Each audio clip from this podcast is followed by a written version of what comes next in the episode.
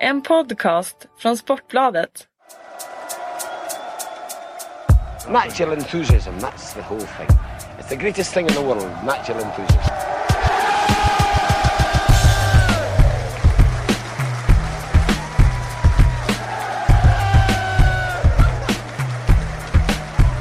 På er där ute i stugorna och välkomna till det 47 avsnittet av Sportbladets eh, Premier League-podd. Eh, Jag heter Patrik Syk, jag sitter här vid ratten och eh, i baksätet får vi väl säga har vi Erik Niva och KK, Kristoffer Karlsson idag.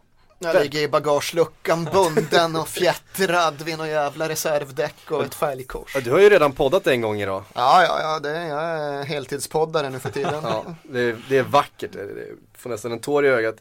KK, välkommen tillbaks till eh, poddstudion. Tack så mycket, kul att vara här. Kul att vara här med Erik också. Det var ett tag sedan vi satt bredvid varandra. Ja, det var nog på Vincent Tanns tid höll jag på att säga, men alla tider är å andra sidan Vincent Tann-tider. Ja, fantastiskt. Jag tänkte vi skulle börja, jag eh, skrev lite sådär eh, kryptiskt på Facebook att roligast fråga får börja eh, podden. Ja, jag visste inte riktigt vad jag skulle, vad jag skulle göra av frågorna. Det kom in jättemånga bra frågor men så jävla rolig. Ingen var rolig. Jo, Jag, ty- men, jag tycker du ska redogöra för den ordväxlingen vi hade innan vi började spela in här. ja, den absolut tråkigaste frågan som vi... Eh, Och då sa jag att okej, men jag kan formulera exakt den absolut tänk den absolut tråka, tråkigast tänkbara frågan som överhuvudtaget kan ha kommit in. Det är vem borde Manchester United värva i januari? Det går inte att formulera sig tråkigare än så. Och då sa du att ja då, det går. Det går, det går. Och frågan var nämligen, och nu, nu vill vi inte hänga ut någon här, men frågan var Eh, Nu ska jag se så mig rätt. Vilka spelare borde storlagen värva i januari? Eh, den, är bred och, den är bred och svår. Och fantastiskt tråkig. Nej, vi har just sagt det att nu måste vi få eh, lyssnarna att tänka i lite nyare banor än de här trötta gamla inkörda transferhjulspåren. Jag är i och för sig medveten om att det är betydligt fler som är intresserade av transferspekulationer än det som är intresserade av att höra mig och Patrik Syk prata gammal läktar-oj. Men tror ni vi bryr oss? Snart, snart är det januari igen Erik. Ja, jag vet. Då sätter vi igång igen. Ja men det, då kan det vara okej. Ni kan få januari och ni kan få Vi har, ju en, vi har ju en podd till, det, till de ämnena, Sillypodden. Den, grej- den kommer, den kommer.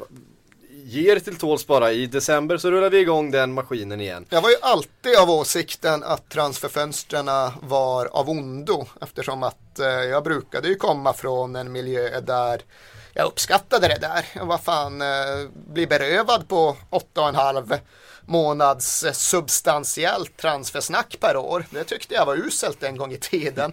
Men nu har Patrik Sjögren och KK liksom malt ner mig på ett sätt som gör att jag tycker transferfönstren är en jävla välsignelse så att vi i alla fall kan avsäga sig det där någorlunda under resten av året. Ja, vi tar tacksamt över. Ja, ja men så är det ju. Eh, det är ju magiskt med Silly, det håller vi med om. Men vi tycker att det är roligt med spekulationer. Men det är inte det vi sysslar med i den här podden. Nej, inte i november, inte tredje, vad är det, femte, sjätte november. Ja, precis. Nej, det um, lämnar vi till en annan podd en annan dag. Däremot så tänkte jag ställa Tobias Hallgrens fråga.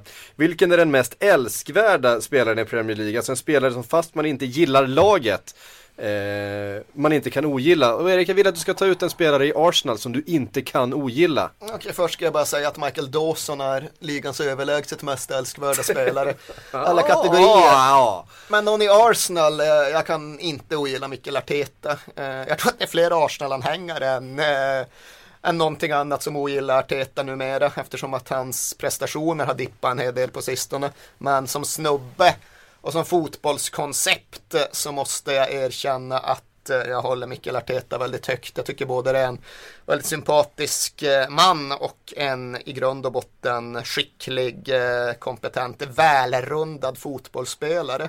Uh, när det sägs så hade vi faktiskt en diskussion när vi satt studion för någon helg sedan när det var någon halvlek som gick lite på tomgång. Om man får välja en spelare i Premier League och gå ut och dricka bärs med, helt förutsägningslöst, eh, vem skulle det vara? Och då sa jag faktiskt två, två Arsenal-spelare var det första jag fick upp i huvudet när jag fick frågan.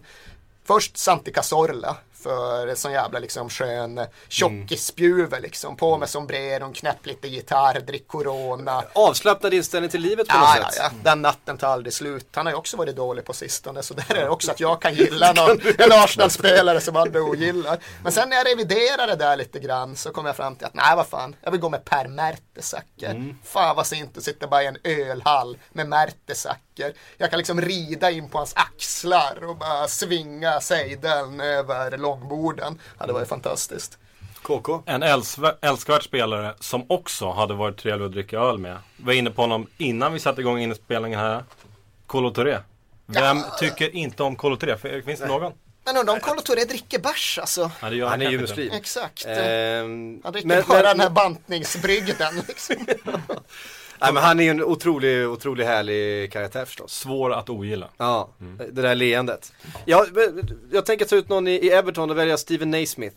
För han verkar så här genuint sympatisk. Ehm, Alltså, jag kom- delar ut biljetter till arbetslösa. Också länge varit väldigt underskattad och lite så här utskälld. Och, ehm, det var många, så jag kommer ihåg han byttes in när eh, Lukaku gick sönder tidigt i ett eh, Merseyside-derby. Och halva Twitter eh, började liksom, haha ska de slänga in Naismith nu som kom in och var riktigt bra och fortsatte den säsongen och var riktigt Ja, bra. var jättebra hela hösten och du är helt rätt i de där liksom, initiativen för de underprivilegierade. Men Mm. samtidigt ändå någonting med honom. För jag kommer ihåg att det var ju någon match som jag inte minns vilken det var. Jag tror det var Arsenal hemma faktiskt den här hösten. Som jag satt och försökte formulera lite för mig själv vad det egentligen var som jag tilltalade så mycket med detta Everton. För det är ju en klubb, ett lag som är väldigt lätt att gilla i nuläget. Och då kom jag på det, apropå Ryan Mason som vi pratade om här om veckan och hans sleeve-tatuering. Det är ju fan ingen av utespelarna i Everton som är tatuerade. Och det gillar jag. Jag, det är liksom, ju- jag är old school som fan. Och sen kom jag på, jo, den där jävla Naismith. Han är ju full med så här skotska tribaltatueringar typ hela han. Och det drar ju ner honom. Jag hade ju hellre gått ut med Leighton Baines. eller Ja, Leighton. Baines är ju också en kille man hade velat eh, Han tar fram gitarren, kör lite kassa. Men- men där- Dis- Distan då? Ja, jag vet Kan inte han vara ganska rolig? Jag minns den här tweeten när han drog sig tillbaka från landslagsspel här för något halvår sedan.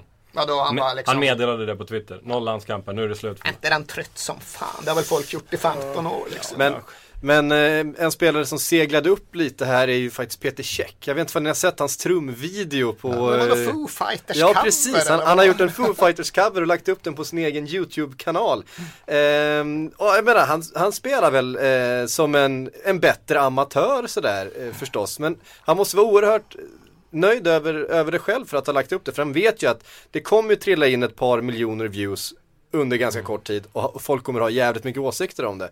Så det är ganska modigt, så man blir lite sugen liksom bara gå ut och höra vad, vad, vilka är Peter Käcks trumfavoriter, Ja, nu- förebilder bakom trumsetet? Nu blir jag omedelbart sugen på att sätta upp Premier League-bandet. Peter Käck på trummor, Leighton Baines spelar gitarr. Vad har vi? Vem fan spelar bas? Skulle inte Santi Nej, men Cazorla alltså- spela gitarr? Ja, alltså, jag tänker att han skulle knäppa på en mandolin. Men vi har ju typ, nämnt, vi har ju nämnt basisten, det är ju Kolo Touré som spelar bas. Ja, du blir lite Ja, men- bakvänd så här där några då faktiskt spelar instrument. Och Colo Touré, så vitt jag vet så spelar inte bas. Nej. Kommer ni ihåg den gamla målvakten i, vad var det, Reading och Wolves, Marcus Hanneman? Nej. Amerikan som liksom, hans enda intresse vid sidan av fotbollen var typ death metal-scenen i Florida. Och Fan det är ju magiskt. Death metal-scenen i Flor- Florida kan man inte underskatta kan jag säga. nu har jag för en känsla av att vi är på väg eh, till ett ställe som är ganska långt ifrån den transferfönsterspekulation som folk helst vill ha här. Så jag tar programledarens roll och säger att vi stramar upp det hela och går vidare. Vi gör så, okej. Ehm, vi har, om vi ska återvända till det som har hänt lite mer i nutid. Eh, jag vet Erik att du har spenderat din vecka i Malmö eh, och det är där du har haft ditt fokus. Du har inte brytt dig om de engelska underprestationerna i Europa. Så Jag har att, faktiskt inte haft möjlighet. Nere i Malmö så är man ju dessbättre uppslukad av upplevelsen där och då. Och på onsdagskvällen så förväntades jag sen hålla ögonen på Bayern München, Roma och Ajax Barcelona i yrkesmässigt syfte. Så jag gjorde det och hade i och för sig på Manchester Citys andra halvlek på en skärm. Men fick ingen känsla för den matchen och det var det enda jag såg av de engelska lagen i Champions League-spel den här veckan. Så KK får take that one away. Ja, precis, för du har ju hållit desto bättre koll. Kan vi lita på ja. Mm. Ska vi börja med City igår? Kan vi, vi måste säga något om Pontus Wernbloms fantastiska hockeytackling. Jag tror aldrig, jag tror aldrig Yahya Touré har åkt på en, eh, en liknande propp. Ja, jag, jag reagerade också på det. Jag började tänka tillbaka liksom, hur många har egentligen sänkt Yahya Touré på det sättet som han blev sänkt där. Och det, jag kan inte på rak arm på, på någon. Man märkte ju att det, hur påverkad han blev av det också. Att han Mm. är ju inte van att bli behandlad på det sättet. Och jag menar, han tappade humöret och blev själv utvisad en stund senare. Ja, och eh, han var inte den enda City-spelaren som tappade humöret. Och eh, en annan sak som jag funderar lite grann på är om Pellegrini är lite för snäll för sitt eget bästa. Han är ju omtyckt bland fansen. Eh, omtyckt bland spelarna, vad det heter också. Eh, men sättet som de tappar allting på, spelarna ute på planen. Det var inte bara Yahya Touré som slog, slog till sig ett rött kort. Utan eh, Nasri kanske skulle ha blivit utvisad när han sparkar ner motståndare där. Det tycker jag verkligen. Eh, och det är flera spelare som tappar huvudet och liksom Fernandinho blir inbytt i halvtid, utvisad 20 minuter senare, två gula kort. De kastar ju liksom De kastar ju Pellegrini under tåget, eh, City-spelarna. Och det är liksom För mig är det liksom Det är det tydligaste liksom tecknet på brist på respekt för sin tränare. För han är hjälplös Pellegrini när han byter in Fernandinho för att ändra matchen och så får han en utbyta, utvisad spelare istället. Där, eh, där kommer vi in på den där eh, diskussionen som vi hade för ett par veckor sedan. In med Tony Pulis, ge Pellegrini några veckors semester. Har, jag varit med om den här diskussionen? Jag, Nej, jag vet inte, jag blev, jag, jag, jag jag, sa, jag sa det på, eh, på skoj då, det var någon som, egentligen så, så sa jag att Tony Pulis är en tränare som, som hanterar den här typen av situationer bra när det är lite hängskalle, det är lite osäkerhet i truppen och då att komma in. Eh, det var någon som sa, ha ut med Pellegrini och in med Tony Pulis och då hör man ju att det låter lite dumt.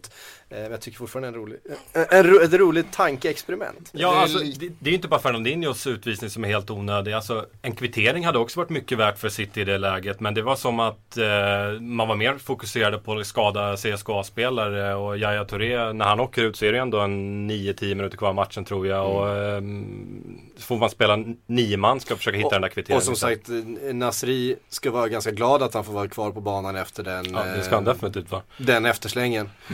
Eh, mycket fult. Och då kommer vi tillbaka till Yahya Touré som liksom blandat och gett den här säsongen. Och, eh, frågan är ju om man inte borde ha släppt honom i somras när det liksom när det ändå fanns intressenter och vi hade hela den här tårtgrejen som han senare försökte liksom eh, vifta bort som eh, bara liksom uppförstorat. Eh, ett, ett mästarlag som City var vill man fortsätta vara mästarlag då ska man, då ska man förnya när man är som bäst. eh, Och Yahya Touré hade gärna hade jag varit City-supporter hade jag gärna fått gå annat, en annan väg i, i somras. Ja, det var intressant att höra om du sa samma sak i början av juni. Ja, vi var Ja, inne nej, på det, jag minns, att, jag minns att vi var inne på det, jag minns, fast jag tror det var Kalle som Jag vill minnas Som- att vi hade en diskussionstråd som mynnade ut i att eh, hela världsfreden hängde på Yahya Tourés agent. Med Ja, att han var liksom det- etnisk ryss från östra Ukraina och liksom kriget stod för dörren där. Det är den diskussionen Ja, jag det- minns runt.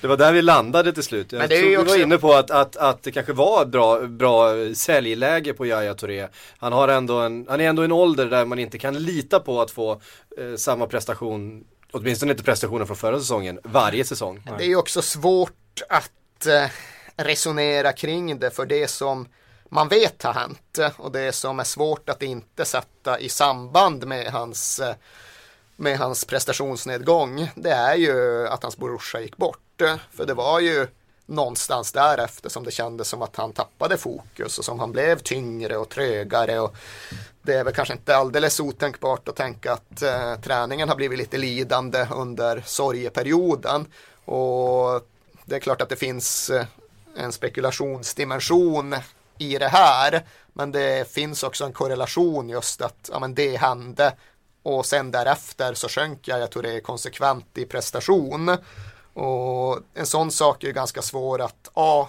förutsäga, B. förhålla sig till som klubb. Aha, nu blev Jaja traumatiserad av hans, eh, av ett dödsfall i familjen. Ha, bäst att sälja. Liksom, någonstans finns det väl en gräns för cynismen även inom ett Manchester City. Eh, och det gör väl också att man såklart hoppas på att han ja, kan komma tillbaks. Eh, jag tycker inte, han ser ju tung och trög ut nu men jag tror väl inte nödvändigtvis att det måste bero på att hans kropp har nått en ålder där den inte längre går att eh, få upp på högvarv utan jag tror nog att det lika gärna kan bero på att man kanske inte har skött sin träning precis lika hundraprocentigt under en personligt väldigt svår tid för honom. Och man vill ju hoppas och tro att han ska kunna komma ur det där vad det lider och, och nå samma nivå igen. Mm. Eh, för det är, en, det är, en, nivå vi saknar eh, faktiskt i Premier League just nu. Det, det känns som att uh, många lag som går lite på knäna och inte minst då i Europa. Vi så Chelsea bara kryssa mot Maribor igår. vi såg Liverpool inte ens försöka, eller hur var det med det där KK? De gjorde ju inte det. och det känns som att Liverpool-fansen är lite delade här. Vissa tyckte det var rätt kanske att eh, spara truppen lite grann. Vissa tyckte det var helt fel. Jag lutar väl åt att det är fel att ställa ut ett eh, reservlag i en turnering där man ändå jagar poäng och liksom man har alldeles för stor respekt för Real Madrid i Brandon Rodgers där när man, när man ställer ut det laget. Jag, eh, alltså kollar man på Real Madrid den kvällen jag, tycker, jag tror att Liverpool hade haft en god chans om eh, man hade ställt upp med ett ordinarie lag. Och även om Brendan Rodgers försöker, försöker vara positiv efteråt så är faktum att man hade ett halvt skott på mål eh, och eh, matchens bästa lirare var Minolet. Jag, jag sa nästan Koulibaly men Minolet. Och då liksom, det, det, är också rätt, rätt talande när din målvakt är, är, är din bästa spelare så, så kan man stå och snacka eller försöka vara hur positiv som helst efter matchen. Jag, lite, det skickar lite, eller sänder lite dåliga signal kan jag tycka. Mm. Um, det där har stötts och blötts. Uh, vill ni veta mer så rekommenderar vi internet. Det finns väldigt mycket att läsa om den här, om den här laguttagningen och efterspel och så vidare. Um, om vi tittar med ett lite eh, annat perspektiv då på de engelska insatserna i Europa. Vi kan jämföra dem med en tysk till exempel. Bundesliga som nu är på väg att klättra förbi Premier League i den här ligarankingen som det finns vissa eh, gränser för hur många lag man får ha med i eh, direkt kvalificerade Champions League och så vidare. Där bland annat Italien har ju då halkat eh, bakom Tyskland och nu är Tyskland också på väg att passera Premier League då. La Liga är ju den. Portugal har väl gått emot Italien. Det var väl det mest anmärkningsvärda som hänt under de senaste åren kan jag tycka.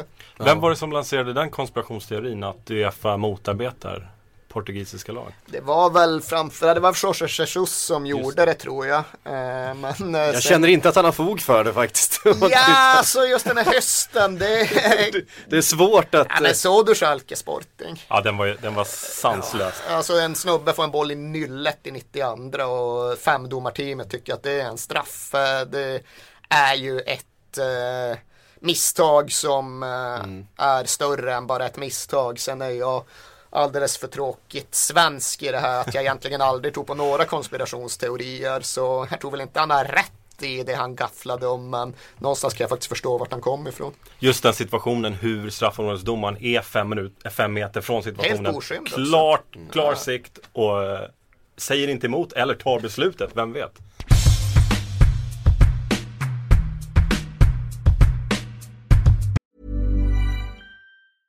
A lot can happen in the next three years. Like a chatbot may be your new best friend. But what won't change? Needing health insurance. United Healthcare Tri Term Medical Plans are available for these changing times.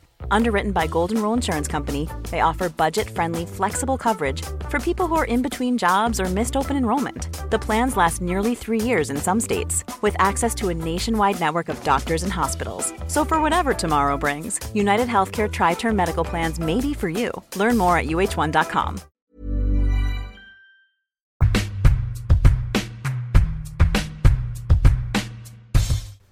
På tal om domare, det har ju varit väldigt mycket, det har varit en, en, varit en ganska dålig vecka får man säga för domarna. Eh, I alla fall i det här fokuset vi tittar på engelsk fotboll, vi tittar på eh, Champions League. Vi hade eh, Klettenberg hade det jobbet i Malmö. kan man eh, ganska lugnt påstå. Eh, greken, nu kan jag inte uttala hans namn riktigt, som dömde matchen igår, hade det lite kämpigt visade, eller varnade fel spelare när Jaha, greken. Pont, Pontus, Pontus Wernbloom skulle ha blivit utvisad egentligen. Wernbloom försökte ju hävda att det var egentligen Ignashevich som fick det för snack. Liksom. Ja, men Wern, vad Wernbloom hävdar i den här situationen. Ja, det är så Ehm, sant. Och eh, Michael Oliver hade det jobbigt i Manchester-derbyt där eh, City skulle ha haft flera straffar eh, som man inte delade ut. Det har ju väckts en del, eh, som det alltid gör när det blir mycket domarfokus. Ska vi ha fler domare? Ska de ha mer hjälpmedel? Vad, vad ska vi, hur ska vi göra för att komma åt, för att komma bort från den här diskussionen? Är det egentligen bara att vi ska sluta diskutera det? Är det det som är lösningen? Nej, det är det inte. Och eh, här är ytterligare en av de frågor där jag faktiskt har tvingats eh, svänga från min utgångspunkt och bli aningen mer progressiv än eh, vad som ligger i min fotbollsnatur. För jag har ju gått från att tro på den organiska självsanerade sporten till att förespråka mycket mer systematiskt användande av tekniska hjälpmedel. Jag tycker ju att det ska finnas ett system där antingen en fjärde domare har en skärm och själv väljer att påkalla huvuddomarens uppmärksamhet om man ser något som behöver sägas. Eller att det är något sånt här challenge-aktigt system där varje lag har rätt att begära reprisgranskning x antal gånger per match. Jag tror inte att det skulle leda till ett uppstyckat robotliknande start och stoppspel alla amerikansk modell. Men jag hoppas någonstans att det ändå skulle kunna vara en del av lösningen som skulle innebära att vi kom bort ifrån det här extrema domarfokuset vi nu alltid är fast i. För det som har hänt är ju att fotbollen har blivit en sport som är så gott som omöjlig att klara av med gårdagens domarsituation. Det går inte för en huvuddomare, alldeles oavsett om han har två eller fyra assistenter, att bedöma alla situationer korrekt. För det går för snabbt. Spelarna är för ohederliga. Det är för många gråzonssituationer och man kan då komma in i det där att ja, ja men det är ju alltid gråzonssituationer och det kan ibland förbli gråzonssituationer även efter en reprisgranskning. Ja, jo, så är det ju visserligen, men jag tror ändå på ha ett bra beslutsunderlag när man fattar avgörande domslut så för att runda av den långgöran så kan jag bara återigen konstatera att jag tror att vi måste göra någonting och någonting som är ganska radikalt eh, i relation till Men- var vi kommer ifrån. Men, men ser inte du att det är problematiskt? Jag menar många situationer är ju ändå tolkningsfrågor och det blir ändå, jag menar vi kan sitta och diskutera i efterhand i dagar och huruvida det var en straff eller inte och om den hand sen ska vara frivillig eller vart positionen är och så vidare. Jag menar nu kan ändå domaren alltså, skylla på eller han kan alltid hävda det gick fort, jag har inte tillgång till reprisen. Han har ryggen fri tack vare det. Um, om, om, om han då har tillgång till reprisen, blir inte det ett, ett värre problem och sätter en annan press på domaren att han, att han måste fatta rätt beslut? Jag tycker inte det, för jag märker ju på mig själv om jag är på en arena eller fast om jag bara sitter och tittar på tvn så är ju min grundinstinkt korrekt hyfsat många gånger. Men det är ju ändå rätt ofta som jag känner att jag vill revidera det jag först kände när jag fått se två, tre eller fyra repriser. Jag har fått ett bättre beslutsunderlag. Jag kommer att eh, göra en mer korrekt bedömning. Sen kommer det inte bli perfekt, det håller jag såklart med om. Men jag tillhör ju aldrig, jag har aldrig tillhört de där som liksom tycker att eftersom att man inte kan rädda hela världen på en gång så ska man skita och göra någonting överhuvudtaget. Jag tycker väl att det är väl bättre att göra saken lite bättre. Även om det är med insikten att det aldrig kommer bli perfekt och felfritt. Nu när du svängt till teknik då? Mm. Jag svängde under VM 2010 under en och samma speldag när Lampards skott blev bortfuskat och när sen Argentina mötte Mexiko och argentinarna fick ett mål som var fem meter offside och mexikanerna omringade domarteamet pekade på jumbotronen. Kolla, hela världen ser att det är en jätteoffside och ni är bakbundna på ett sätt som gör att ni inte kan använda er av det här. Det, blir, det blev fars. Och då vänder du till tekniken med hänsyn mest till domarna eller till laget? Ja, Lagen både och. Bra för alla liksom. Jag menar att domarnas uppgift är omöjlig och att lagen, sporten, klubbarna blir lidande. Och sen finns det också det strukturella i det. Jag menar ju på fullaste allvar att storklubbarna oavsett om det är landslag eller klubblag kommer att på sikt vara systematiskt gynnade. Och i ett läge där det sannoliken finns en del annat i fotbollens utveckling som talar till fotbollens fördel så tycker jag att det skulle vara välgörande att eh, närma sig ett läge där inte domarna också gjorde det.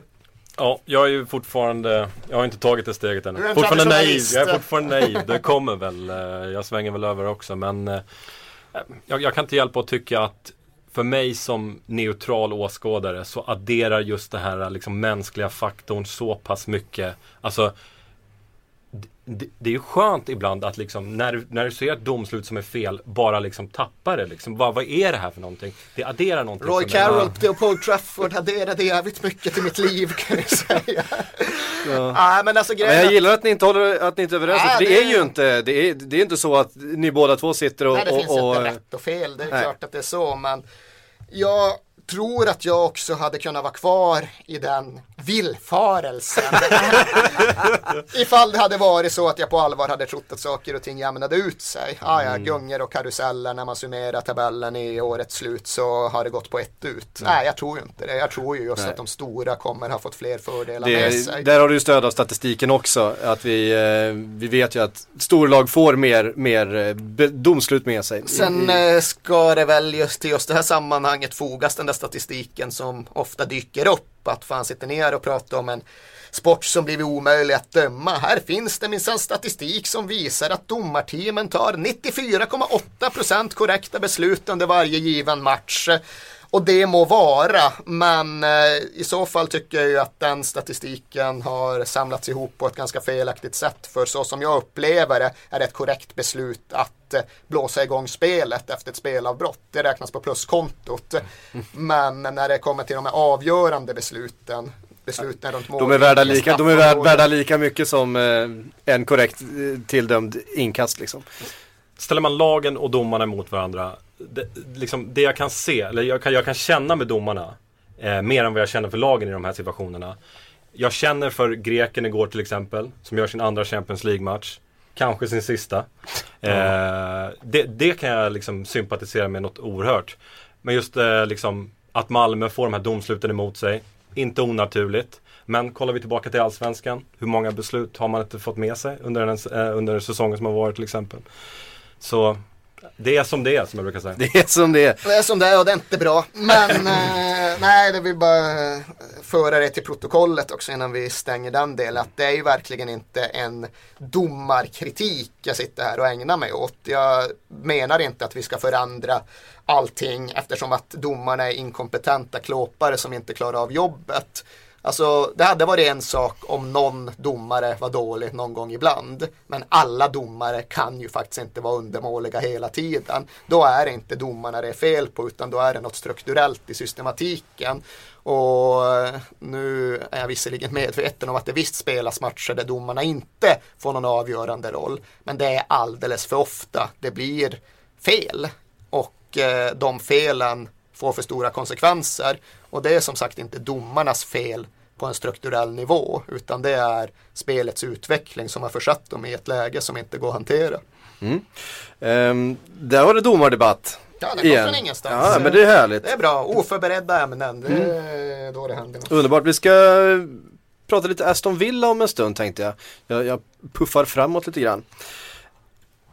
Men först kastar jag in en fråga från Tobias Hallgren. Eh, för vi får liksom lätta upp stämningen lite här inne känner jag. Finns det någon mer nischad spelare i Premier League än John Obi Mikel? Får bara spela när Chelsea leder och agerar då busschaufför resten av matchen.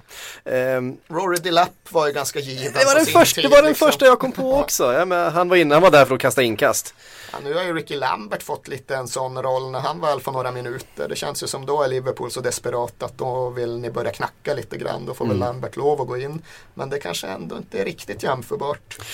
Följdfrågan är då, är det för lite rollspelare i, i toppklubbarna eh, idag? Alla ska ju kunna allt på något sätt och vänsterbackar ska kunna spela eh, defensiva mittfältare och, och det ska liksom vara Ja, precis, total fotboll liksom. Det är precis just det du är inne på som eh, är svaret på den frågan. Att eh, vi eh, höll på att beröra det för några veckor sedan. Att det är eh, inga klubbar som kostar på sig några lyxspelare i nummer 10-rollen nu för tiden. Eftersom att eh, alla måste just kunna spela i båda riktningarna och klara av en rad olika uppgifter på planen. Och det gör ju att eh, det generellt sett blir så oerhört mycket svårare att ha plats med rollspelare. Den gamla tian, den gamla playmakern, han var ju ändå en rollspelare som var oerhört betydelsefull för lagen. Men inte ens honom ansåg man sig ha plats för. Då blir det nog ännu svårare att ha utrymme för killen som bara slår vänsterinlägg på sista tredjedelen. Mm. Um, på tal om rollspelare då, det får bli vår segway in till eh, Aston Villa som eh, jag tänkte vi skulle prata om. Vi ska prata lite grann om Roy Keane också, för han finns ju där. Eh, Aston Villa skulle ju ha utsett eh, månadens mål för oktober eh, i förra veckan. De fick ställa in den eh, utmärkelsen för de gjorde inga mål under oktober. Eh, Om så... de hade gjort ett, hade de hållit tävlingen då? Ja, det hade de väl fått göra. det inbillar jag mig i alla fall. Eh, det hade ju onekligen varit månadens mål. Enda målet vinner med 62% av rösterna.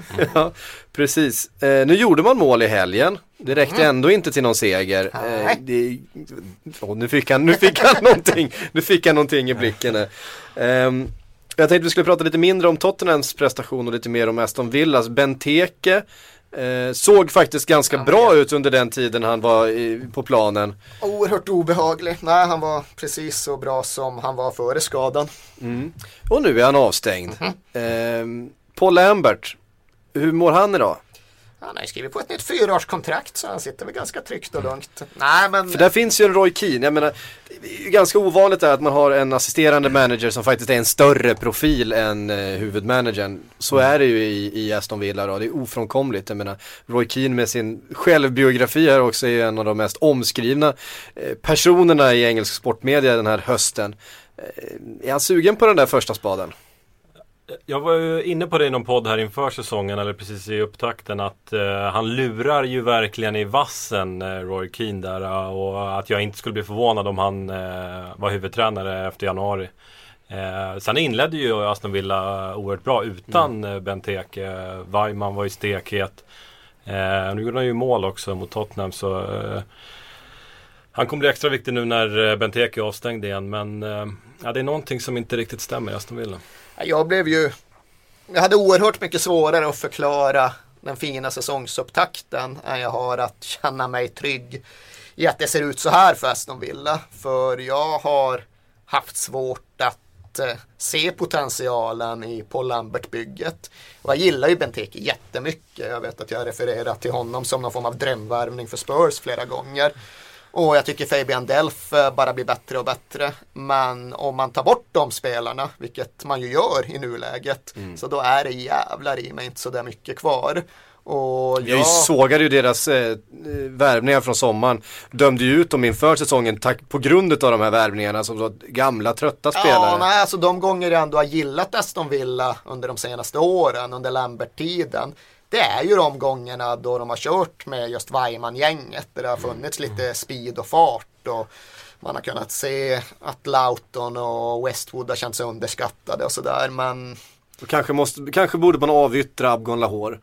Ja, det är väl kanske inte den första som ska ryka i mina ögon. Han har ändå gjort väldigt mycket för den klubben och har förtjänat en position där och det finns lite fart kvar i de där benen. Jag tycker det finns större problem i andra delar av plan. Men eh, återigen, när jag såg Aston Villa inför säsongen så trodde jag nedflyttningsstrid. Och då får man ju ha lite is i magen och inte revidera sönder sig bara för att de tar några poäng första månaden. Utan nu känner jag väl att Aston Villa ligger ungefär där jag hade förväntat mig att ha dem. Och det känns ju inte bra för Aston Villa är ju verkligen en av de klubbarna som konsekvent underpresterar i relation till hur stor klubben borde vara. För de borde ju vara i det här segmentet där Everton och Spurs är nu. De skulle ändå ha någon form av slagläge upp gentemot toppkvintetten. Mm. Men där är de ju inte och de är nog inte ens i mittskiktet utan de kommer nog tvingas till ytterligare en säsong runt det nedre strecket. Det beror ju lite på såklart om Delf kommer tillbaka snabbt, om Benteke verkligen visar sig ha kvar samma stuns i kroppen på andra sidan skadan.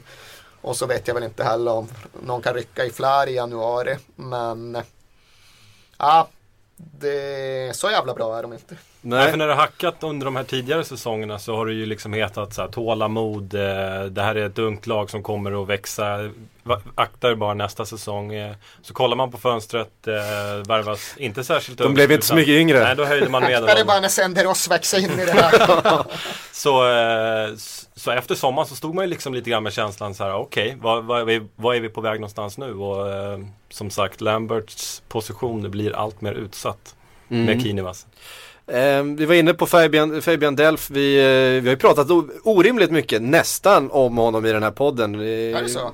vi har pratat väldigt mycket Fabian Delf Aha. faktiskt. Eh, en av Kalle Karlssons favoritspelare. en av mina favoritspelare också måste jag säga. Jag tycker det är en eh, otroligt eh, kul speltyp. En, verkligen en bolltransportör. Eh, kommer inte riktigt till sin rätt i Aston Villa känner jag. Han borde spela för Leeds känner du. Så. Han gjorde ju det. Precis. Eh, var, ju, var väl bra där också. Så han var väl mest, mest skadad. Eh, men varför inte, varför, varför, inte Spurs? Skulle inte de behöva en bolltransportör från, från, från eh, eget, e, egen planhalva till andra sidan? En jävla massa vi skulle behöva men just den funktionen eh, håller ju Ryan Mason faktiskt på att ja, det är sant. utföra det... med någon form bravur. Honom glömde jag bort. Det vore intressant Erik att höra vad spår du för framtid för Harry Kane? Hurricane the Hurricane. Alltså, jag tror väl inte att han kommer bli någon storspelare. Det måste jag väl alltjämt hålla fast vid. Men jag har ändå blivit lite... Jag har ändå fått upp ett lite för stort hopp för att det ska vara sunt. Det har inte att göra med att han slår en boll i huvudet på Nathan Baker och han råkar segla in på Villa Park. Men det har att göra med att eh, folk folk som verkligen är nere på Tottenhams träningsanläggning har börjat prata om Harry Kane på ett sätt som gör att man måste lyssna lite extra liksom Brad Friedel har eh, refererat till honom som en av de bästa anfallarna han någonsin har jobbat med och Brad Friedel hade med rätt mycket folk att göra under sin karriär. Mm. Han har ändå kört med Fowler och Owen och dina killar uppe i Liverpool. Och han, han har ju dessutom eh, varit med sen eh, Freden Roskilde. Så ja, herre, man kan kolla på så gamla klipp från OS i Barcelona 92. Där står Brad Friedel med massa hår och inte särskilt ung. Liksom. han är där och, bidrar med rutin. Nej, så han har sett en del och Jan Fertongen vars omdöme jag i och för sig inte helt bekväm med. Men han har också pratat om Kane som att ja, men han har alla möjligheter och inte bara bli en landslagsspelare utan verkligen kunna nå långt i karriären. Och då känner jag någonstans att ja, då får man väl ta in det och föra det till protokollet. Men mitt eget intryck av det jag faktiskt har sett av Harry Kane på högsta nivå. Då får jag väl inte känslan av att det är honom som Tottenham når Champions League med ens i en framtid. Utan vi kanske kan göra en trade vi släpper The Hurricane, vår egna jävla tromb, He's one of our own, mm. till Aston Villa och vi får Benteke. Mm. Då tror jag väl att båda spelarna kanske når sin naturliga nivå på ett annat sätt. Jag tror att Benteke mycket väl kan bli en Champions League-forward. Jag tror väl att Harry Kane blir en mittskiktspelare i Premier League snarare än något annat. Mm. Nu halkade vi in på Tottenham, men då vi skulle prata Aston Villa. Du, kan, inte, kan inte lämna det, det Tottenham helt och hållet när Erik det, var, eh, det var först mitt fel, sen var det KKs fel. Mm. Det är faktiskt inte Eriks fel den här gången. Eh, jag skulle vilja prata lite mer om, om Roy Keane och vad ni tror att han tillför som eh, assisterande bakom Paul Lambert. Jag menar, det finns ganska mycket personlighet där. Jag menar det är nästan så att man undrar om Paul Lambert inte har att, har att göra med Roy Keane också ibland eh, i sin eh, mentala förberedelse inför matcher och så vidare. Alltså, alltså eh, Nidbilden skulle ju vara att han kommer in och får styr på försvaret och att spelarna är rädda för att underprestera. Men... Eh... På tal om rollspelare, Roy Keane. Mm. Ja, vad fan, läste du inte Wassa, Wassa, Wayne Rooney när han pratade om Roy Keane i något sammanhang här om sistens. Och han sa det att jag kom till Manchester United med intryck av att Roy Keane det var ju en kille som bara sprang runt och skyfflade undan ben på andra människor och kanske samlade upp någon boll då och då. Men det det i själva verket visade sig vara var den bästa passningsspelare som Wayne Rooney någonsin har spelat med. Just att han var så fantastisk på att hitta fötter på en anfallare. Även i väldigt trängda situationer och när när hårnålen var väldigt liten för att få igenom den där passningen. Då var Roy Keane den som klarade av att trä in den. Så han hade, han hade mycket. Han kunde också hitta fötter på motståndare. Ja. Fast då inte med bollen, med dobbar. Ehm, vilket jag ju gillar, det vet ni som lyssnar på den här podden att jag, jag uppskattar alla som spelar på gränsen. Ehm, och kanske lite över den. Så är det. Men hans roll i, eh, i Aston Villa som assisterande, det, ja, man undrar ju lite grann. För att ja. man vet ju att han, han, är ju, han är ju en manager liksom nu för tiden. Mm. Eh, gubevars eh, i första hand och kanske inte en assisterande som, i första hand. Nej som sagt nidbilden skulle ju vara att han kommer upp och styr upp eh, grejer och att spelarna är rädda för att underprestera. Men jag kan inte hjälpa att tro att som Aston Villa-spelare så kollar man på Roy Keane idag. Eh, släpper sin bok, ställer upp på intervjuer, eh, presskonferenser, eh, allt som inte har med Aston Villa att göra. Så har vi Irland också. Mm. Och liksom, visst han kan skälla ut en spelare på träning men spekulativt här också. Eh, som spelare kanske man känner liksom, han har inte fokus på, på Aston Villa. Nej. Det, det, är också, en, det är också en, en vinkel på det. Det, det är väldigt mycket Roy Keane nu. Med, inte minst med Ja, jag älskar Roy Keane. Jag tycker det har varit otroligt underhållande. Jag slukar allting som har haft med Roy Keane. Jag har ju slukat alla de här presskonferenserna och alla de här intervjuerna med, med stort nöje. Det är mm. underhållande. Ja, det gör man ju. Och eh, man minns som sagt spelaren med en annan respekt och vördnad än man minns eh, någon som bara skulle ha varit en benknäckare. Men jag är inte övertygad av Roy Keane som manager. Det är inte så att jag skulle jubla om han skrev på för Spurs direkt. Och det är väl också ett intryck som jag tycker förstärks av det jag har läst av den senaste boken. Jag har visserligen inte läst hela den. Men jag har läst eh, utdrag som berör mer än bara det mest rubrikmässiga kring hans fejder med Alex Ferguson eller vad det nu må ha varit. Men när han själv får berätta om hur han jobbade i framförallt Sunderland, i någon mån i Ipswich, så får, fylls sig ju inte av känslan att det här är en metodisk, eh, visionär tränare som kommer att föra en fotbollsklubb eh, framåt på ett progressivt sätt. Jag Nej, ser, han lyckas inte sälja in sig själv som tränare till mig när han själv får hålla i pannan och det är väl inte ett alldeles eh, strålande tecken. Tänker du på Robbie Savage-incidenten? Eh, ja, den tycker jag där, där kan jag sympatisera med honom. Det tror vi måste utveckla för eh, våra lyssnare som inte har läst boken. Han tänkte då värva in Robbie Savage för att få lite lite motor på sitt Sunderland mittfält. Men då får han då tillstånd att prata med honom. Ringer upp uppe, får inget svar, lyssnar på hans mobilsvararmeddelande och känner vad är detta för jävla clown? Jag kan inte ha att göra med en människa som har den här sortens mobilsvararmeddelande och struntar i att genomföra värvningen. Och det är i och för sig inga problem. Nej, nej, men det är magiskt. Eh, jag tipsade här om veckan om eh, en, eh, en annan podcast som heter eh, The Magic Sponge där Jimmy Bullard sitter och, och bjuder på anekdoter till höger och vänster. Det låter eh, fantastiskt. Först trodde jag att det skulle vara någon liksom eh, klubbläkarpodcast. Nej, nej, nej, gamla nej, nej. klubbläkare ja. sitter och drar skrönor. Nej, det, det, handlar mest om, om Jimmy Bullard och hans eh, olika äventyr runt om i, i eh, fotbollsengland. Men de hade en gäst där, nu minns jag faktiskt inte vem det var som var, som var gäst, men han hade en, en anekdot om Roy Keane som jag tyckte var helt fantastisk. De spelade tillsammans i Skottland och i eh, Celtic var det väl, eh, han var en kort, eh, ett kort ögonblick, något halvår. Och han skulle, de skulle åka tillsammans i träningen, den här spelaren, han skulle plocka upp Roy Keane, hade då sin fru med sig i bilen också. Hämtade Roy Keane och körde till träningsanläggningen och så här. Efter den bilen så sa han bara, du plocka aldrig upp mig igen om du har din fru med dig. Varna mig först i sådana fall. Han var tokig mm. över, över detta. För han kände sig då socialt lite trängd när det var fler än de två i bilen. Eh, ovanlig reaktion från en ovanlig kille. Um, ska vi lämna Roy Keane och, och Aston Villa åt sitt öde um, och så går vi vidare till, um, vi ska faktiskt prata lite, lite Europa League tänkte jag. Europa League, det blir helt inaktuellt, uh, ungefär i takt med att ni plockar ner den här till era telefoner. Det gör inte så mycket. Borta. En glamourmatch. Ja, jag tänkte vi skulle börja med Everton. Eh, vi har fått frågan här från Linus Erlin. Evertons chanser att ta hem Europa League. Eh, Everton som vi hyllade mycket förra säsongen har haft det tyngre här. Möter Lill eh, ikväll på hemmaplan. Vad säger ni om eh, Everton och Europa-äventyret? Vi vet ju att Tottenham spelar i stort sett med två stycken helt olika elvor när det handlar om Premier League och när det handlar om Europa League. Everton Eh, lite mer eh, samma manskap. Jag tror väl dessvärre att Everton har bättre chanser att vinna den där turneringen än vad Spurs har. För jag tycker att hela den klubben har en större entusiasm inför turneringen än vad vi mäktar, av och mäktar med att skrapa ihop.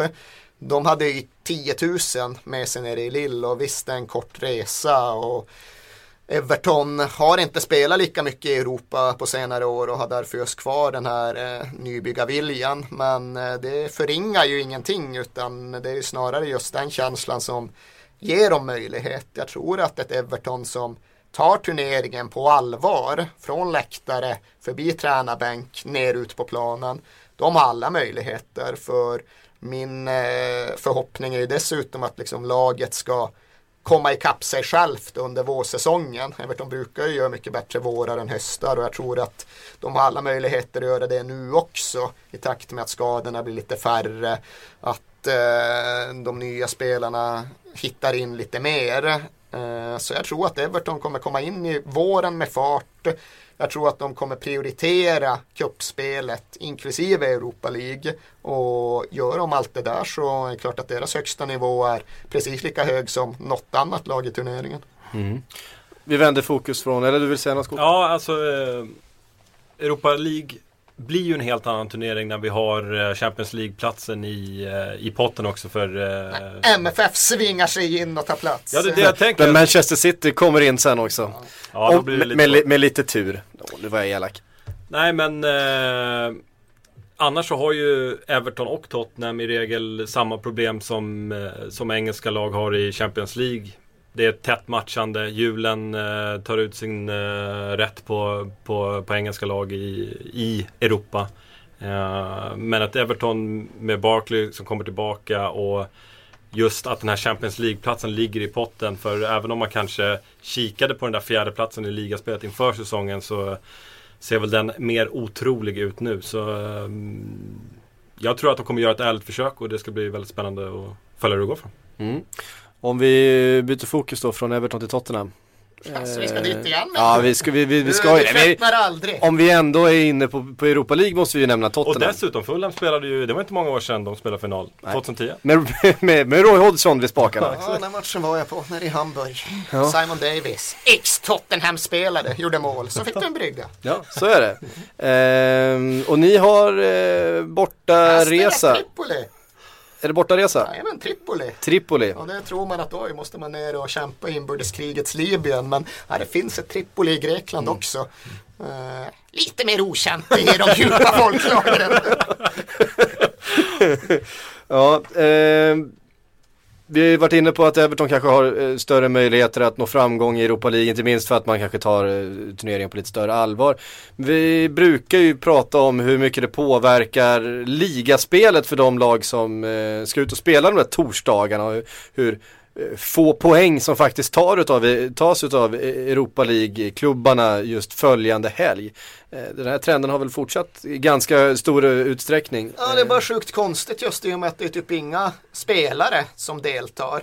Mm. Eftersom att det är en Europa, en cupelva och en ligaelva så undrar man ju verkligen vad är det som gör att ligaelvan inte kan ta poäng för man... att cupelvan har kört på torsdag liksom med trötta tröjor. Nej men det vi måste ju ha med eh, liksom matchförberedelser, man har inte lika många dagar tillsammans med, med hela gänget, med, med managern att kunna förbereda sig taktiskt och, och så vidare för, för motståndet. Det är väl rimligt. Um, hur ska man få lagen att, nu säger vi, visst Everton tar det här på lite större allvar men vi ser ju också vart de har hamnat i tabellen. Kanske till viss del beroende på eh, ansträngningarna ute i Europa. Hur ska man kunna motivera för framtiden eh, engelska, framförallt då kanske topplag. Vi tänker på Spurs, vi tänker på ett Manchester United eller ett Liverpool eller så vidare som aspirerar på den där Europa League-platsen att, att ta den här turneringen på allvar. Ja men det största har ju redan hänt och det är ju att det numera medför en Champions League-plats ifall man lyckas vinna turneringen. Och det tror jag ju verkligen att det är lättare faktiskt för både Everton och Tottenham att vinna Europa League än det att komma fyra i Premier League. Mm. Så det tror jag väl är den absolut främsta moroten. Sen är ju jag en anhängare av den där turneringen. Jag tycker den är jättekul och jag skulle önska att eh, folk slutade se ner på den. Men jag inser samtidigt också att eh, det måste spelas färre matcher där. För eh, ska man gå hela vägen från säg en kvalrunda in genom gruppspelet, ut genom slutspelet och spela final. Då är det typ 20 matcher man gör längs vägen. Det är liksom mer än en halv extra säsong. Och det blir ju för mycket, det blir ju för tungt. Uh, och det accepterar jag väl någonstans. Så man måste väl skära bort en slutspelsronda. Man måste kanske införa en variant som gör att kvalspelet fungerar på ett annat sätt. Eh, sen kan ju kanske vissa tycka att det borde vara tuffare för lag från Kazakstan och vara där och ta plats och kräva borta resor. Men det vägrar jag gå med på. Klart vi ska ha kazakerna borta. Mm -hmm. um, Everton Sunderland borta på söndag och eh, Tottenham Stoke hemma på söndag. Vi får se om det går ut över även denna helgs prestationer. 1-1. Eh, vi går vidare med lite fler frågor. Eh, Patrik J Persson skriver Jag tycker ni ska lista de bästa pubspelarna. Mitt förslag är Ricky Lambert, Tony Hibbert, Lee Cattermole, Steven Fletcher och Charlie Adam. Det är det han kategoriserar då som pubspelare.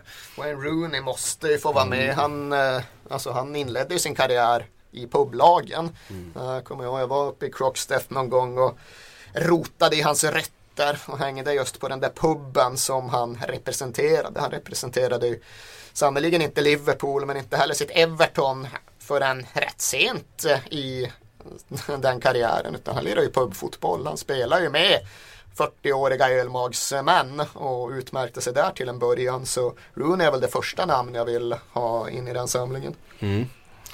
Har ni någon koll på fler? Jag har dålig koll på vilka som har, vilka som har gjort några vändor där i, i eh, publigan. I den faktiska ja. pubfotbollen. Ja, faktiskt. Eh, sen, sen, nämner han ju Lee Cattermole som eh, man skulle kunna säga en pubspelare, inte minst för att han är av, han är, han är med på svartlistan på Sunderlands nattklubbar. Han, har, han, är eh, svartlistad. Han hade en, en, en blöt kväll med Niklas Bentner. Okej, okay, men jag vill veta vem som håller i svartlistan. Är det ja. Eller liksom är det, finns det något krogsynd? Nej, det, det, krog, det, det, det är krog, krogsynd, krogkartellen i Sunderland. Fan har... vad deppigt att bli portad på alla ställen samtidigt. Ja, det, är no, det, det, är nog inte alla, men han har en pubban. Eh... Och i mardrömmen när man bodde hemma fortfarande. Det var ju så oerhört minerat att bli avstängd från krogen eftersom att det bara fanns en krog. Ja, liksom när man åkte på ett halvår då var man i karantän. I, alltså, man hade ju ingen liv i ett halvår eftersom att man inte kunde komma in på En social paria. Ja, det var vad man var. Joey Barton var inte med på listan. Nej. Han vill jag ha in på en pub. Eh i en publiga. Absolut. Ja, han har fimpat cigaretter på pubbar förr. Ja, fy fan. Eh, kul, vi går vidare. Eh, Erik Tektor undrar, vad har Pelle, jag gissar att han menar Pellegrini, emot Nastasic? Ser ut att prioritera Boyata före. Eh, gärna några ord om deras usla match sist också, det har vi ju redan eh, hanterat. Men Nastasic? Ja, jag kan inte svara på vad det är han ser, men det är ju uppenbarligen så att han helt enkelt inte håller honom särskilt högt. Så som jag förstod det var ju Nastasic fri att lämna City under sommaren, men det löste sig av någon anledning inte. Och det känns ju lite egendomligt för det man såg av honom när han först kom in i Premier League-fotbollen det var ju en mittback med en jäkligt stor potential. Så jag inbillar mig definitivt att det finns en spelare där i, även om nu inte Pochettino Pochettino, Pellegrini blir den som plockar fram honom. Så... Nu har vi lämnat Tottenham. Ja, vi kan i och för sig vi kan gå tillbaka och de kan få Kabul så kan vi ta Nastasic. Det ja. vore helt okej. Okay. Nej, jag tror att även för liksom en klubb med Tottenhams ambitioner så skulle det nog finnas en, eh, ett värde i att plocka upp en Nastasic för jag tror som sagt att han kan bli bra. Mm. Ja, vilken resa han har gjort från när, när han flyttade till Manchester City då var han ju liksom världens mest eftertraktade unga mittback. Eh, och City la beslag på honom i och med pengarna och nu, eh, nu är verkligheten lite annorlunda. Ja, från någonting till ingenting. En omvänd salongbetong. Precis. Eh, Sebastian Einarsson har ställt den här frågan som vi, som vi alltid får när en spelare har utmärkt sig någonstans. Vart skulle Värnblom passa in i, eh, ett, i Premier League-sammanhang? Eh, alltså man skulle vilja sätta honom i ett storlag som skulle behöva en mittfältare. Placera in honom i Arsenal kanske. Vi var inne, vi var, vi, vi var inne, vi var, vi var inne. Ja, placera in honom i Arsenal, jag håller med. Sätt honom där. Värnblom till Emirates. Ja, men jag, koll, jag, jag ser uh, uh, Jag ser Arsenal vecka ut, vecka in och uh, Flamini, Arteta. Man kan ju bli trött liksom. Och uh, det är klart att Värnblom hade är man kanske också kunnat bli rätt trött på. spelare. men jag tror jag hade blivit mindre trött på Arsenal om eh, Wernbloom sprang runt eh, på defensiv Fan, mittfält. de tyckte att Kim Källström var en svensk värvning från den ryska vänsterkanten. Får se hur de reagerar på Wernbloom i januari. Frågan om man har passningsfoten som Wenger kräver. Eh, Tveksamt? Tveksamt ja. Eh, Björn Andersson, prata om det som eh, Gary Neville var ute och svingade om i veckan. Hur får man barn att vilja bli proper defenders, Lex Jamie Carragher? Ja, vi pratade om det för några veckor sedan. Här känner jag ju att Gary Neville måste ju lyssna på den här podden vecka ut och vecka in. Mm. Men det gör han. Ja, det gör han. Jag hade en av mina visserligen käpphästsutläggningar. Det var dessvärre inte första gången jag hade den. Men just den här om hur den, hela den globala fotbollen har vridits i en riktning där det alltid prioriteras anfallsspel och spektakel och där det alltid är liksom den modellen som krävs av den nya tidens klubbägare. Eh, Så där tyckte jag att vi låg helt i linje med det Neville sen var ute och skrev om. Sen eh, kan jag gärna gå in i ideologisk strid här med Gary Neville. Jag känner att jag är fullt kompetent för detta. Men hans slutsats var ju någonstans att ja, det här är en irreversibel trend. Det kommer inte gå att vrida den här utvecklingen tillbaka utan fotbollen är i hans ögon då för evigt dömd till att vara offensivt tiltad. Min slutsats då vi pratade senast och fortfarande är ju snarare att det kommer vridas tillbaka i och med att fotbollen är en sport där försvarsspelet eh, systematiskt har visat sig mer utslagsgivande. Det har egentligen genom hela sportens historia varit enklare att försvara sig till segrar än att anfalla sig till dem. Så låt José Mourinho vinna Premier League några år i rad och se vad som händer med den där trenden. Då tror jag kanske att Gary Neville får se lite mer eh, lite eh, mer kroppsställningsövningar på eh, ungdomsanläggningarna igen och det skulle med all säkerhet göra honom glad och lycklig. Mhm. Filip S eh, refererar till ett citat som vi har i början av vår vignett. Den här Natural enthusiasm, it's the greatest thing in the world. Bill Shankleys bevingade ord eh, om eh, hur en bra fotbollsspelare beter sig. Det är nat- natural enthusiasm. Hans fråga är helt enkelt, vem i Premier League har mest av varan natural enthusiasm? Eh, Agüero är en kandidat för mig. Uh löper på allt, tänker hela tiden, hittar sina luckor, får bra service av sina mittfältare. Eh, utstrålar positiv energi. Jag tycker mm, Agüero bör nämnas som en av de där. Sen har vi ju, Suarez var ju den givna innan han drog. Eh, Angel Di Maria ska ju föras in i sammanhanget. Slående att vi sitter och refererar till enbart sydamerikanska spelare. Eh, det kan finnas en slutsats att dra där någonstans även om jag känner att jag riskerar att simma ut på djupt vatten i samma ögonblick som jag säger det. Men kan det vara så att eh, den genomsnittliga unga engelska spelaren inte visar samma självklara hunger idag som han gjorde för 10, 20 eller 40 år sedan. Visst, Wayne Rooney han stormade ju verkligen in på scenen med just den där gatuentusiasmen när han slog igenom.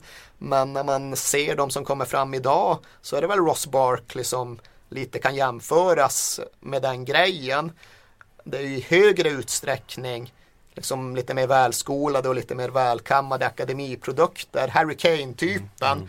Och Harry Kane har visserligen sin sorts entusiasm men den är ju ändå inte lika genomträngande som den här sydamerikanska spela sig ur fattigdomsgrejen eh, kan framstå Jo- som. John Joe Shelby kan jag få den känslan ibland- ibland att han har den här entusiasmen och gärna liksom springer på allt och kanske inte tar de, de bästa besluten alltid men han, han, han, ju ger, sig, märklig ger sig in i situationen Han har någon märklig destruktiv entusiasm. Ja. Liksom. Ja, men det är lite- det- kan lite speciell, så kan det det framstå vara. som en motsägelse men det är det ju inte. Ännu Nej. mer än Rooney och Barkley. Ja, en, ja speciell, speciell kille. Ja, vi har varit inne på det tidigare. Engelska unga spelare, de har det lite för bra på akademierna. Ja men så är det nog och, och, och lite för tidigt. Jag menar, vi är inne på killar, tjejer som är, eller tjejer är ju inte eh, vi pratar om eh, i någon utsträckning när det kommer till pengar. Men eh, unga killar i liksom 15-16 års åldern som, som tjänar rejält med pengar, har liksom en familj som är försörjd. Eh, om man tar hela, hela den delen ur, ur, ur kontexten redan i den åldern. Det, det är klart att det tillbaka, påverkar. kommer vi tillbaka till den eviga frågan. Är det rätt av svenska unga spelare att sticka över till England och sätta sig i någon etagelägenhet och uh, luta sig tillbaka? Det gör de inte. De bor ju alltid i värdfamiljer. Det... Då, då kastar jag in en spelare med natural enthusiasm som visserligen som tillhör en Premier League-klubben utlånad till Skottland, det är faktiskt John Guidetti. Han, han, har en, han har en genuin entusiasm för att spela fotboll och han, eh, det är ju hans, det är hans främsta styrka, det är ju hans eh, liksom stora, stora USP Ja, i, den här, nej. i den här fotbollsvärlden, är att han faktiskt har den. En drivkraft som framförallt utvecklar honom själv men den är ju också väldigt smittande. Det går ju att se på honom och hans insats som han gör för ett svenskt U21-landslag och konstatera att han har en förmåga att verkligen generera energi i ett lag. Jag tyckte inte han individuellt sett var på topp i till exempel de här senaste kvalmatcherna. Men han var ändå jäkligt viktig för laget bara för att han är den han är och han fungerar som han fungerar.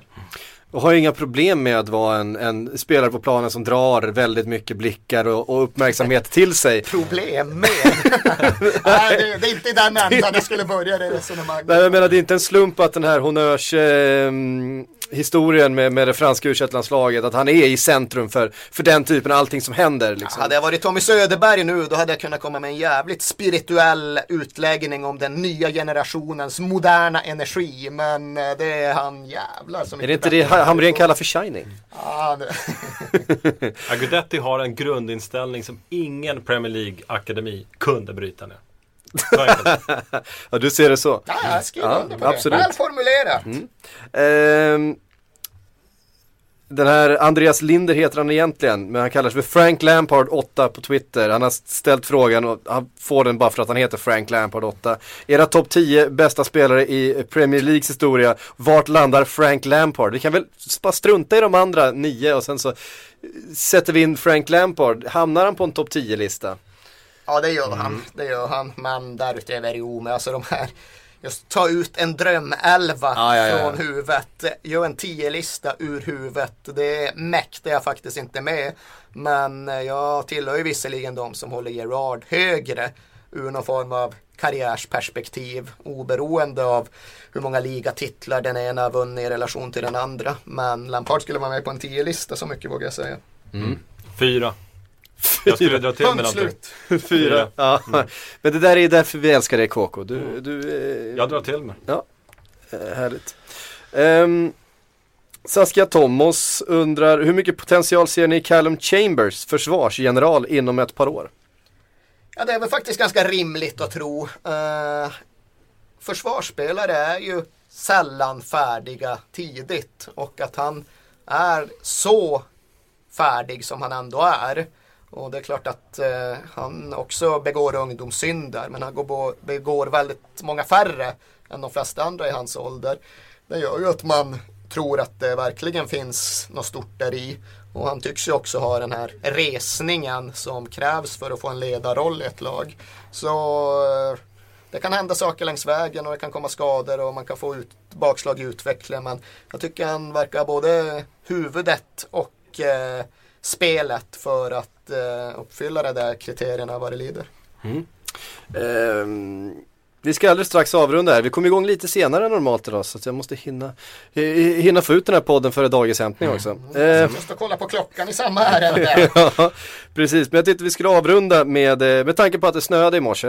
Eh, och Emil Widlund har ställt frågan, vilken Premier League-spelare slash tränare är snålast när det kommer till julklappar i dessa juletider? Premier League-tränare. Ja, Harry spelare Red- eller tränare? Harry Redknapp, han blev så jävla förbannad häromåret när Robbie Keane ledde ett rövarband på en hemlig julfest på Irland. Så han ställde in allt. Så Harry han eh, har snålat till det rejält i julsammanhang. Tony Pulis, den här upprinnelsen till den här klassiska eh, påstådda då, skallningen i, eh, i duschen ska ju ha varit en inställd julfest. Ja, det är klart man blir förbannad. Ja, eller hur? Man kan inte komma som, eh, som spelare efter en eh, inställd julfest och, och, och, och ifrågasätta det beslutet när det kommer från en Tony Pulis. Jag får väl säga Gaspoyer, för om inte jag minns fel så ställde han in eh, julfest förra säsongen. Det är ju faktiskt ett jävligt sorgligt tecken i tiden att det kommer ju hållas väldigt få julfester den här säsongen. Det kommer vara färre klubbar som arrangerar dem än där som ställer in dem. Och det, så vill man inte ha det. Nej. Man vill ju ha